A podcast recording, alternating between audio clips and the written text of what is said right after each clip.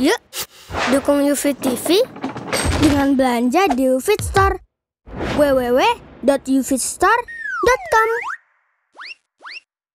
Bismillahirrahmanirrahim. Assalamualaikum warahmatullahi wabarakatuh. Alhamdulillahi wahdah. Wassalatu wassalamu ala man la nabiyya ba'dah.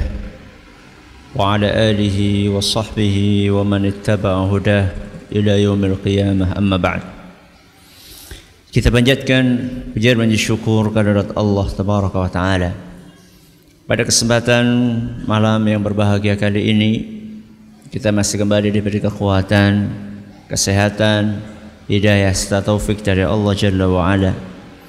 Sehingga kita bisa kembali menghadiri pengajian rutin malam Sabtu di Masjid Jenderal Sudirman Purwokerto ini. Kita berharap semoga Allah Tabaraka wa taala berkenan untuk melimpahkan kepada kita semuanya ilmu yang bermanfaat sehingga bisa kita amalkan sebagai bekal untuk menghadap kepada Allah Jalla wa Ala. Allahumma amin. Salam dan salam semoga senantiasa tercurahkan kepada junjungan kita Nabi besar Muhammad sallallahu alaihi wasallam pada keluarganya, sahabatnya dan umatnya yang setia mengikuti tuntunannya hingga akhir nanti. Para hadirin dan hadirat sekalian kami hormati dan juga segenap pendengar Radio Insani 102,2 FM di Purwokerto, Purbalingga, Banjarnegara, Cilacap, Wonosobo, Kebumen dan sekitarnya. Juga para pemirsa Yufi TV yang semoga senantiasa dirahmati oleh Allah Azza wa Jal. Kita masih bersama pembahasan tentang adab menjenguk orang sakit. Sudah berapa adab kita pelajari? Empat apa lima? Empat. Yang pertama, ikhlas dalam menjenguk. Yang kedua, memilih waktu yang tepat. Yang ketiga, mempersingkat masa kunjungan. Yang keempat ini yang kita bahas kemarin adalah mendoakan si sakit. Dan kita telah sampaikan bahwa doa yang diajarkan oleh Rasulullah sallallahu alaihi wasallam saat menjenguk orang sakit ada beberapa redaksi. Dari yang pendek, yang sedang, yang panjang. Kita baru bahas yang mana? Yang pendek dan sedang. Yang pendek masih ingat? Masih. Apa coba? La ba'sa tohurun insyaallah. Baik. Yang sedang apa kemarin? Apa? As'alullahal azim. Terus Rabbal arshil azim an yashfiyaka. Berapa kali? Tujuh kali. Diulang tujuh kali. Malam hari ini insya Allah kita akan membahas doa yang agak panjang. Nggak panjang nggak. Agak panjang. Redaksi doa ini uh, dari satu riwayat ke riwayat yang lain ada sedikit perbedaan. Hanya saja muatannya mirip ya. Muatannya mirip walaupun redaksinya dari satu riwayat ke riwayat yang lain berbeda sedikit. Saya perlu sampaikan ini di awal supaya nanti kalau redaksi yang saya sampaikan itu ternyata sedikit berbeda dengan apa yang sudah panjenengan hafal maka Jangan buru-buru menyalahkan saya atau menyalahkan diri jenengan sendiri. Wah ustadznya salah kayak kudune kayak kiye. Atau jenengan katakan oh saya salah ternyata selama ini. Belum tentu. Karena bisa jadi redaksi yang jenengan baca memang ada riwayatnya dan redaksi yang saya baca memang ada riwayatnya. Karena kadang-kadang beberapa doa itu hanya berbeda redaksi tapi muatannya sama atau mirip. Saya akan bacakan salah satu redaksinya yaitu apa yang diajarkan oleh Rasul sallallahu alaihi wasallam untuk kita baca Allahumma rabban nas. Ini awalnya. Apa? Allahumma rabban nas. Kelanjutannya azhibil ba'sa. Apa? Azhibil ba'sa. Saya ulangi. Allahumma rabban nas. Allahumma rabban nas azhibil ba'sa. Azhibil ba'sa. Kelanjutannya isfihi. Apa? Isfihi. Terus wa antasyafi. Wa antasyafi. Berikutnya la shifa'a. Apa? La shifa'a illa shifauka. Illa shifauka. Terakhir shifaan. Apa? Shifaan la yughadiru saqaman. Terakhir la yughadiru saqaman. Saya ulangi dari awal pelan-pelan. Sambil yang sudah nulis bu ada yang keliru-keliru, ada yang kurang. Allahumma rabban nas. Adhibil ba'sa. Ishfihi wa antas syafi la shifaa illa shifauka shifaan la yughadiru saqama. Sudah hafal? Mandan. Mandan akeh wong didik. Saya ulangi. Ayo bareng-bareng. Allahumma rabban nas adhibil ba'sa. Ishfihi wa antas syafi. La shifaa illa shifauka shifaan. La yughadiru saqama. Artinya apa? Allahumma ya Allah. Rabban nas Robnya para manusia. Pencipta, pemelihara, pengatur para manusia, Robnya para manusia. Azhibil ba'sa. Hilangkanlah penyakit. Apa? Hilangkanlah penyakit. Isfihi sembuhkanlah dia. Sembuhkanlah dia. Wa antas syafi karena engkau adalah yang pemberi kesembuhan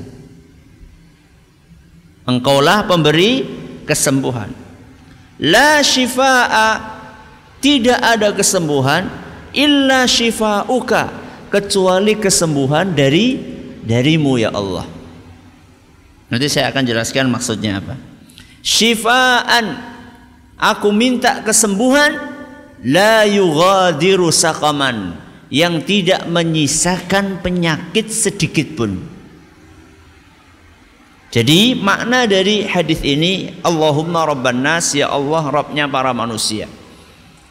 Jadi dari awal kita sudah mengakui bahwa yang kita mintai adalah Rabbnya para manusia, penguasanya para manusia, pemeliharanya para manusia, penciptanya para manusia. Ini yang kita minta. Karena yang menguasai semua apa yang ada dalam diri kita adalah pencipta kita, yaitu siapa? Allah Subhanahu wa taala. Baru kemudian kita katakan azhibil ba'sa. Hilangkanlah penyakit. Hilangkanlah penyakit dari orang ini. Ishfihi antasyafi. Sembuhkanlah dia. Sesungguhnya engkaulah yang maha pemberi kesembuhan. Apa bedanya Ustaz antara hilangkan penyakit sama sembuhkan? Ya mirip-mirip saja, tapi ini bagian dari penekanan. Jadi ketika kita berdoa, ya, boleh kita itu perbanyak redaksinya, apalagi kalau itu ada contohnya dari siapa? Rasulullah SAW. Jadi ada sebagian orang, lah nggak usah banyak-banyak ngomong lah. Ya Allah, sekarepe. Donga kok kayak gue. Ya Allah, terserah kamu. Mintanya apa? Misalnya orang sakit, ya Allah terserah kamu. Mati ya mati, mari ya mari. Jadi nggak apa-apa kita itu perbanyak redaksinya. Yang penting syukur-syukur itu ada contohnya dari siapa? Rasulullah SAW. Coba lihat kata-kata Nabi. Adhibil ba'sa. Hilangkanlah penyakit isfihi, sembuhkanlah dia. Apa bedanya antara hilangkan penyakit sama sembuhkan? Sama, tapi ini bentuk penegasan, penekanan. Kita serius dalam minta. Ya. Coba saya tanya sama jenengan, kalau jenengan pengen ngutang, butuh banget. Kira-kira ngomongnya, Pak, nyong ngutang duit ya. Titik. Seperti itu? Atau kita akan sebelum berangkat sudah menyusun bukan hanya kalimat menyusun proposal. Ya. wah ngonyong gale ngomong ke priwe ya ben keton. Meyakinkan ben keton butuh banget. Itu kita akan susun kalimatnya kita perbanyak tidak apa-apa.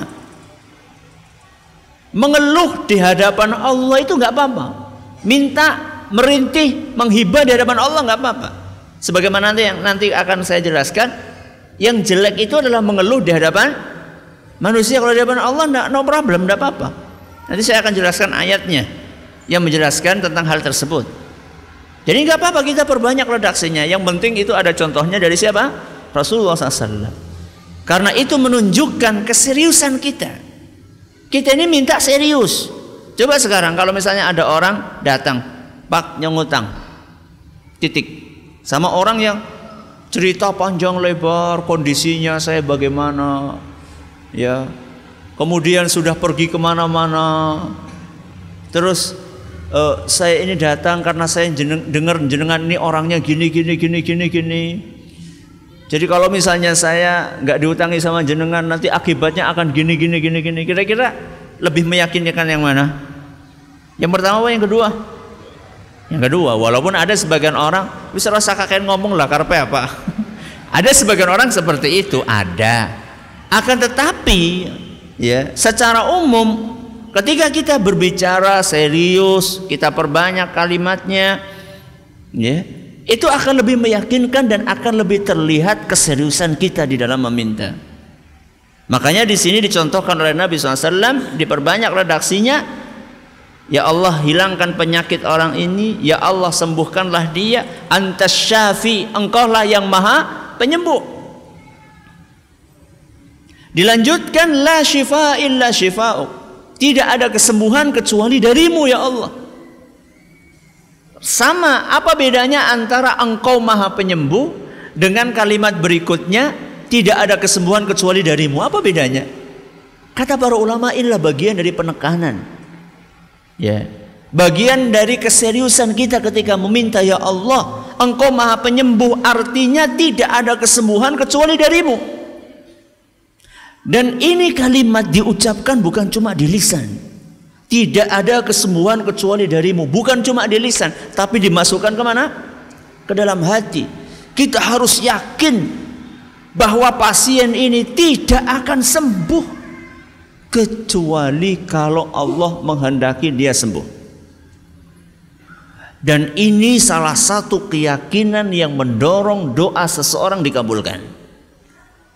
Kadang-kadang kita ini nggak disembuhkan sama Allah karena keyakinan kita bukan kepada Allah tapi kepada kepada kepada obat atau kepada dokter atau kepada dukun lah Masa wis ngaji dukun-dukun bae. Isin lah. Ya. Wis orang zaman mengdukun. Ya. Apa tadi? Keyakinannya ke dokter, keyakinannya ke obat atau kepada ustadz yang merukyah. Ini juga bahaya. Ini juga bahaya. Jadi saya sampaikan ini supaya dokternya nanti enggak protes Ustadz. Apa bedanya bergantung sama dokter sama Ustadz? Sama saja. Enggak boleh. Wah, kayak gue loh Ustadz sip. Ya, saya katakan seperti ini bukan untuk bombongi dokter enggak. Memang kenyataannya sama. Bergantung sama dokter, bergantung sama Ustadz sama saja enggak boleh. Bergantung kepada dokter karena dokternya ahli, dalam bidang tersebut bergantung kepada ustadz karena ustadznya jerene rukyae manjur jerene ya sudah mujarab ya sudah teruji kalau datang ke sana gue langsung mari ya. ini sama saja nggak boleh ya Loh, Ustadz kita kan disuruh berusaha betul kita disuruh berikhtiar karena di dalam agama kita ada namanya hukum sebab akibat. Kita perlu berusaha. Pengen kenyang ya ya makan. Pengen punya anak ya bojo ya, nikah. Terus apa lagi? Pengen kaya ya kerja. Pengen sembuh ya berobat itu namanya hukum sebab akibat. Tapi ada tapinya. Itu semua tidak akan berhasil kecuali dengan kehendak Allah Subhanahu wa taala. Betapa banyak orang bekerja tidak kaya-kaya. Iya enggak? Ada enggak contohnya? Oh, oke. Betapa banyak orang yang berobat belum sembuh-sembuh. Dan betapa banyak orang yang menikah belum dikaruniai anak. Berarti penentu segalanya itu bukan ikhtiar. Penentu segalanya adalah Allah Subhanahu wa taala. Karena penentu segalanya adalah Allah, makanya ketergantungan hati itu bukan kepada ikhtiar, bukan kepada sebab, akan tetapi ketergantungan hatinya kepada siapa? Kepada Allah Subhanahu wa taala. Maka di sini kita mengakui di hadapan Allah la shifaa apa tadi? illa shifauka. Tidak ada kesembuhan kecuali kesembuhan yang bersumber darimu ya Allah. Karena kalau engkau tidak berkehendak tidak mungkin sembuh. Sekalipun didatangkan dokter yang paling ahli yang paling senior yang sudah pengalaman banyak sekalipun obatnya mahal. Dan ini biasanya orang itu kalau sudah obatnya mahal lebih apa lebih optimis. Ke obatnya larang ge ya. Dibandingkan beli obat yang harganya murah di warung misalnya. Lah apa tuh nang warung tuh aku apotik sing larang. Padahal kadang-kadang kadang-kadang isine pada. Kadang-kadang isinya sama. Cuman karena mahalnya, saya pernah dikasih cerita uh, ketika dulu beberapa tahun yang lalu beberapa tahun yang lalu saya terkena liver dikasih tahu sama dokter Ustaz ini kapsul mahal banget oh iya iya mahal banget Tahu nggak ini apa Ustaz? Apa saya bilang? Ini temulawak Ustaz katanya. Oh, temulawak engan eh. Jadi obatnya mbah-mbah kita dahulu sama saja. Godokan temu lawak cuman bedanya ini Ustaz, ini temulawak sudah diekspor ke Jerman. Di Jerman di apa ya? diolah dibikin kapsul. Jadi ya isinya temulawak loh kenapa kita nggak bikin temulawak kita nggak minum temulawak saja. Ya begitulah orang Indonesia itu nak impor sekang. Luar itu lebih apa lebih yakin, lebih percaya gitu. Oh gitu ya ternyata. Kadang-kadang antara obat yang mahal sama yang murah sebenarnya sama saja isinya. Mungkin hanya kemasannya atau mungkin ditambahi ini, ditambahi itu dan seterusnya. Maka ketika kita berdoa kita katakan la syifaa illa syifaa. Tidak ada kesembuhan kecuali kesembuhan darimu ya Allah. Terus ditutup apa? Syifaan la yughadiru saqaman. Yang aku minta ya Allah kesembuhan la yughadiru saqaman yang tidak menyisakan penyakit sedikit pun. Atau dengan kata lain kita minta sembuh total. Bukan sembuh setelah itu kambuh lagi dengan penyakit yang sama atau sembuh dari penyakit A setelah itu kena penyakit B. Mungkin enggak? Mungkin. Contoh, orang kalau kena liver disuruh banyak-banyak makan yang apa? Manis-manis. Karena orang liver itu hatinya sedang lemah, dia butuh energi banyak, maka dia butuh banyak-banyak makan yang manis-manis. Ya, teh, sirup, oh yang manis-manis lah. Liver mari Kenapa habis itu? Diabetes karena kebanyakan gula. Nah ini kita nggak minta sama Allah Subhanahu Wa Taala.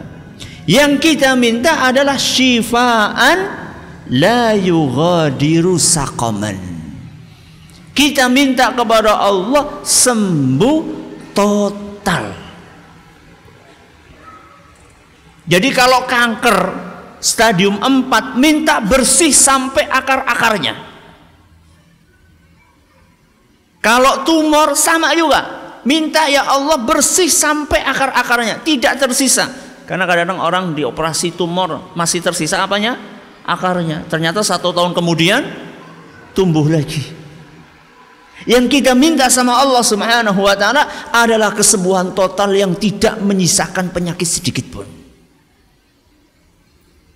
Sip ora dongane? Sip. Kenapa? Karena yang nyontohkan Rasulullah SAW. Ya. Bukan wes wes wes bablas angine. Iya anak bablas anginnya tapi wetenge silara kepriwe? Yang paling bagus doa yang diajarkan sama Rasulullah SAW. Tidak ada doa yang lebih baik dibandingkan doa yang diajarkan oleh Rasulullah SAW. Cuman sayangnya banyak di antara kita justru malah mementingkan doa-doa yang lainnya yang bukan dari Rasulullah sallallahu alaihi wasallam. Ini doa sumbernya hadis riwayat Bukhari dan Muslim. Sumbernya hadis riwayat Bukhari dan Muslim antara lain dari Aisyah radhiyallahu anha anna Rasulullah sallallahu alaihi wasallam kana idza ata maridan au utiya bihi Kata Aisyah radhiyallahu anha bahwa Rasulullah sallallahu alaihi wasallam saat membesuk orang sakit atau ada orang sakit dibawa ke beliau. Jadi ada dua kondisi Kadang-kadang beliau yang nyambangi atau kadang-kadang beliau di disambangi. Ada orang sakit dibawa ke rumahnya Nabi SAW.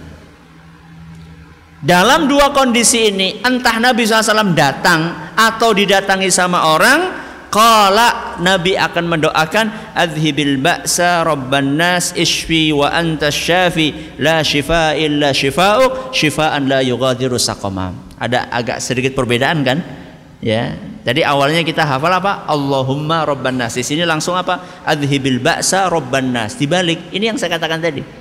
Kadang-kadang apa? Ada sedikit perbedaan redaksi tapi intinya sama. Selain itu diceritakan oleh Aisyah radhiyallahu anha bahwa Nabi sallallahu alaihi wasallam ketika membaca doa ini anna Nabi sallallahu alaihi wasallam kana yu'awwidhu ba'd ahlihi bahwa Rasulullah wasallam Kadang-kadang beliau mendoakan keluarganya ketika sakit yamsahu biyadihi yumna wa yaqul sambil beliau mengusap orang yang sakit itu dengan tangan kanannya sambil membaca Allahumma rabban nas adhibil ba'sa sampai akhirnya. Ini bisa ditambahkan. Selain mengucapkan doa tadi sambil apa? Mengusap tubuh orang yang sakit dengan tangan kanan. Ada tapinya. Apa tapinya? Kalau yang dijenguk non mahram aja ngemek-ngemek. Gue oh yo ngono ana Rasul hati-hati ya anak perlu perlunya apa kecuali kalau memang dokter yang nggak bisa kecuali megang itu lain masalah ya tapi kalau anda yang menjenguk kalau itu bukan mahram anda ya maka tidak boleh asal pegang-pegang. Ya mendoakan tidak apa-apa. Mendoakan tidak apa-apa. Nah, ini adalah doa-doa yang diajarkan oleh Rasulullah SAW. Berapa doa berarti? Berapa doa? Cuma tiga. Masih ada yang lain. Masih ada yang lain. Ini sekedar contoh saja. Apa yang pertama coba tadi? La ba'sa tahurun insyaallah. Yang kedua, as'alullahal azim rabbal arshil azim an yashfiyaka. Berapa kali? Tujuh kali. Sebentar, saya tanya ini. Siapa yang sudah praktek baca doa ini kepada orang yang sakit? Angkat tangan. Setelah pengajian kemarin. Bukan yang dulu, Ya. Sudah? Didik teman. Nun sewu jenengan ini yang hadir ini yang tadi tidak angkat tangan. Orang nasi lara nang. Masya Allah ya sehat-sehat banget ya. Tilik. Enggak, bukan tilik, enggak tilik. Di rumah enggak ada yang sakit. Sehat semua? Masya Allah ya berarti yang jenengan ya. Alhamdulillah. Saya tanya seperti ini bukan lagi doa muka-muka nasing lara ben praktek enggak. Akan tapi masya Allah, ini masya Allah sehat semua atau lupa? Ada dua kemungkinan, nggak tahu kemungkinan jawab sendiri jenengan ya. Ini doa yang kedua. Yang ketiga yang baru kita pelajari malam hari ini apa tadi? Allahumma rabban nas adhibil ba'sa ishfihi wa antas syafi la shifaa illa shifauka shifaan la yughadiru saqama. Ya. Ini yang diucapkan oleh orang yang besuk. Si pembesuk ini yang diucapkan. Yang jadi pertanyaan. Yang dibesuk alias si pasien ngomong apa? Mengucapkan apa? Jawabannya, boleh bagi pasien untuk bercerita ngomong tentang kondisi yang dia hadapi. Boleh bagi pasien, orang yang dibesuk, orang yang sakit untuk bercerita tentang kondisi yang dia hadapi, yang dia rasakan. Akan tetapi Alangkah baiknya sebelum cerita itu dia memuji Allah mengucapkan alhamdulillah. Ini penting. Kenapa bisa demikian? Karena sebagian ulama seperti Imam Ibn Sirin beliau mengatakan idza hamidallah al-'abdu qabla syakwa lam takun syakwa. Seandainya seorang hamba sebelum mengeluh dia memuji Allah, alhamdulillah. Maka keluhan dia ini tidak dianggap sebagai sebuah keluhan. Tidak dianggap sebagai sebuah keluhan. Maka kalau misalnya ada orang besuk dia, gimana keadaannya? Alhamdulillah. Terus apa? Ini saya agak sakit perutnya. Dan gak usah didramatisir. Numun sewu ya, ada sebagian orang kalau cerita itu didramatisir. Saya pernah jenguk orang sakit, ya, ya dia sakit memang betul-betul sakit. Tapi ketika cerita Ustaz, aku rasanya dasar pecah. Astagfirullahaladzim. Ya, ya rasa didramatisir sakit, sakit, pusing, iya, tidak apa-apa. Tapi ada sebagian orang seperti itu, terlalu mendramatisir apa? Keadaan, ya. Gak usah terlalu berlebihan. Kenapa? Karena orang orang yang sakit boleh atau tidak mengeluh itu tergantung Motifnya apa? Ya. Orang yang sakit mengeluh, menceritakan kondisi dia, itu boleh atau tidak tergantung motivasi dia apa. Pertama, kalau motivasinya adalah mengekspresikan kekesalan dia, ingin mengungkapkan kejengkelan dia terhadap penyakit yang dia alami, maka ini hukumnya tidak boleh. Jadi anda cerita, ya, lara banget untukku. Apa maksudnya? Kalau maksudnya adalah mengungkapkan jengkel, kenapa sih datakan lara? Ya, saatnya mau manggung, ternyata kok sakit sebelum mau hujan. Kita ini penyakitnya ora tepat waktu temen. Kudune tuli. Engkau, yo ora kudune ora beberbelas. Kalau itu adalah ekspresi ungkapan dari kekesalan, kejengkelan, ketidakterimaan dengan takdir Allah, maka ini nggak boleh. Jadi Anda cerita tentang apa yang Anda alami, yang Anda rasakan. Apa motivasi Anda? Maksud Anda apa? Monggo. Alhamdulillahirrahmanirrahim. Assalatu wassalamu ala nabiyina Muhammadin wa ala alihi wa sahbihi ajma'in. Wa ba'd. Jadi orang mengeluh atau menceritakan apa yang dia rasakan berupa sakit itu hukum boleh tidaknya tergantung apa motivasinya. Kalau dorongannya sebabnya adalah dia karena jengkel, karena eh, apa tadi kesal, maka ini tidak boleh. Kenapa tidak boleh? Karena itu menggambarkan ketidakterimaan dia terhadap takdirnya siapa? Allah. Makanya kalau kita perhatikan para nabi utusan Allah Subhanahu wa taala, kita akan temukan ketika mereka sakit, mereka mengeluhnya kepada siapa? Allah. Ketika ada musibah, mereka mengeluhnya kepada Allah. Contohnya bapaknya Nabi Yusuf. Siapa?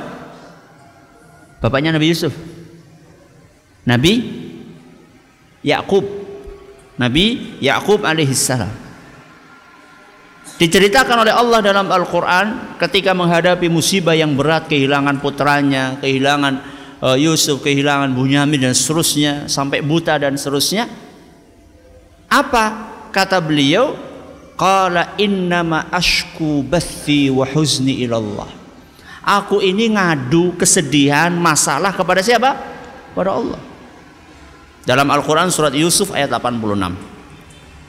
Jadi kalau motivasinya adalah karena mengungkapkan kejengkelan, ketidakterimaan maka tidak boleh.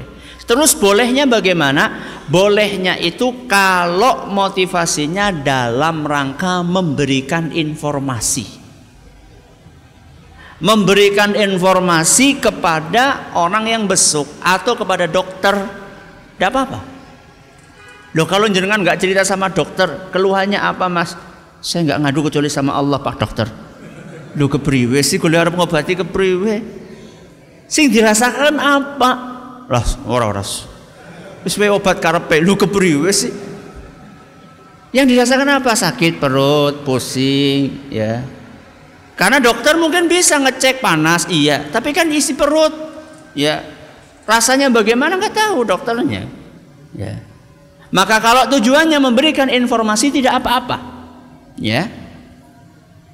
Memberitahukan kondisi yang dia alami. Syukur-syukur diawali dengan tadi apa? Hamdalah alhamdulillah.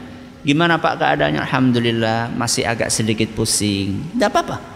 Ya. Kalau tujuannya memberi informasi. Dalil bolehnya apa Ustadz? Dalil bolehnya hal itu adalah hadis riwayat Bukhari. Dari Ibnu Mas'ud radhiyallahu anhu beliau bercerita dakhaltu ala Rasulillah sallallahu wa huwa Pada suatu hari kata Ibnu Mas'ud saya menjenguk Rasul SAW dalam keadaan beliau sakit parah. Fakultu ya Rasulullah innaka la tu'ak wa'kan syadida. Wahai Rasul, kamu sakitnya parah banget. Kamu sakitnya parah banget, demam kamu ini parah banget. Faqala ajal iya wahai Ibnu Mas'ud.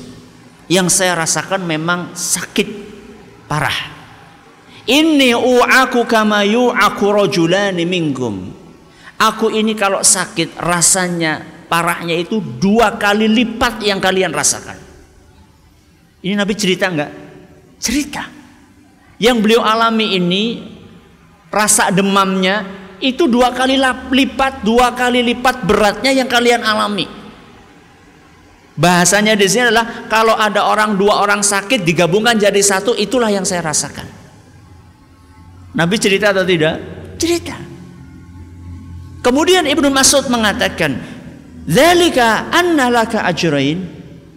Berarti kalau kamu sakitnya double, berarti pahala kamu juga double wahai Rasul. Ini pinter ini. Ibnu Mas'ud pinter. Ya. Jadi bukan seperti kita double, ya Allah, angel temen ya, orang kepenak temen ya, bukan seperti itu.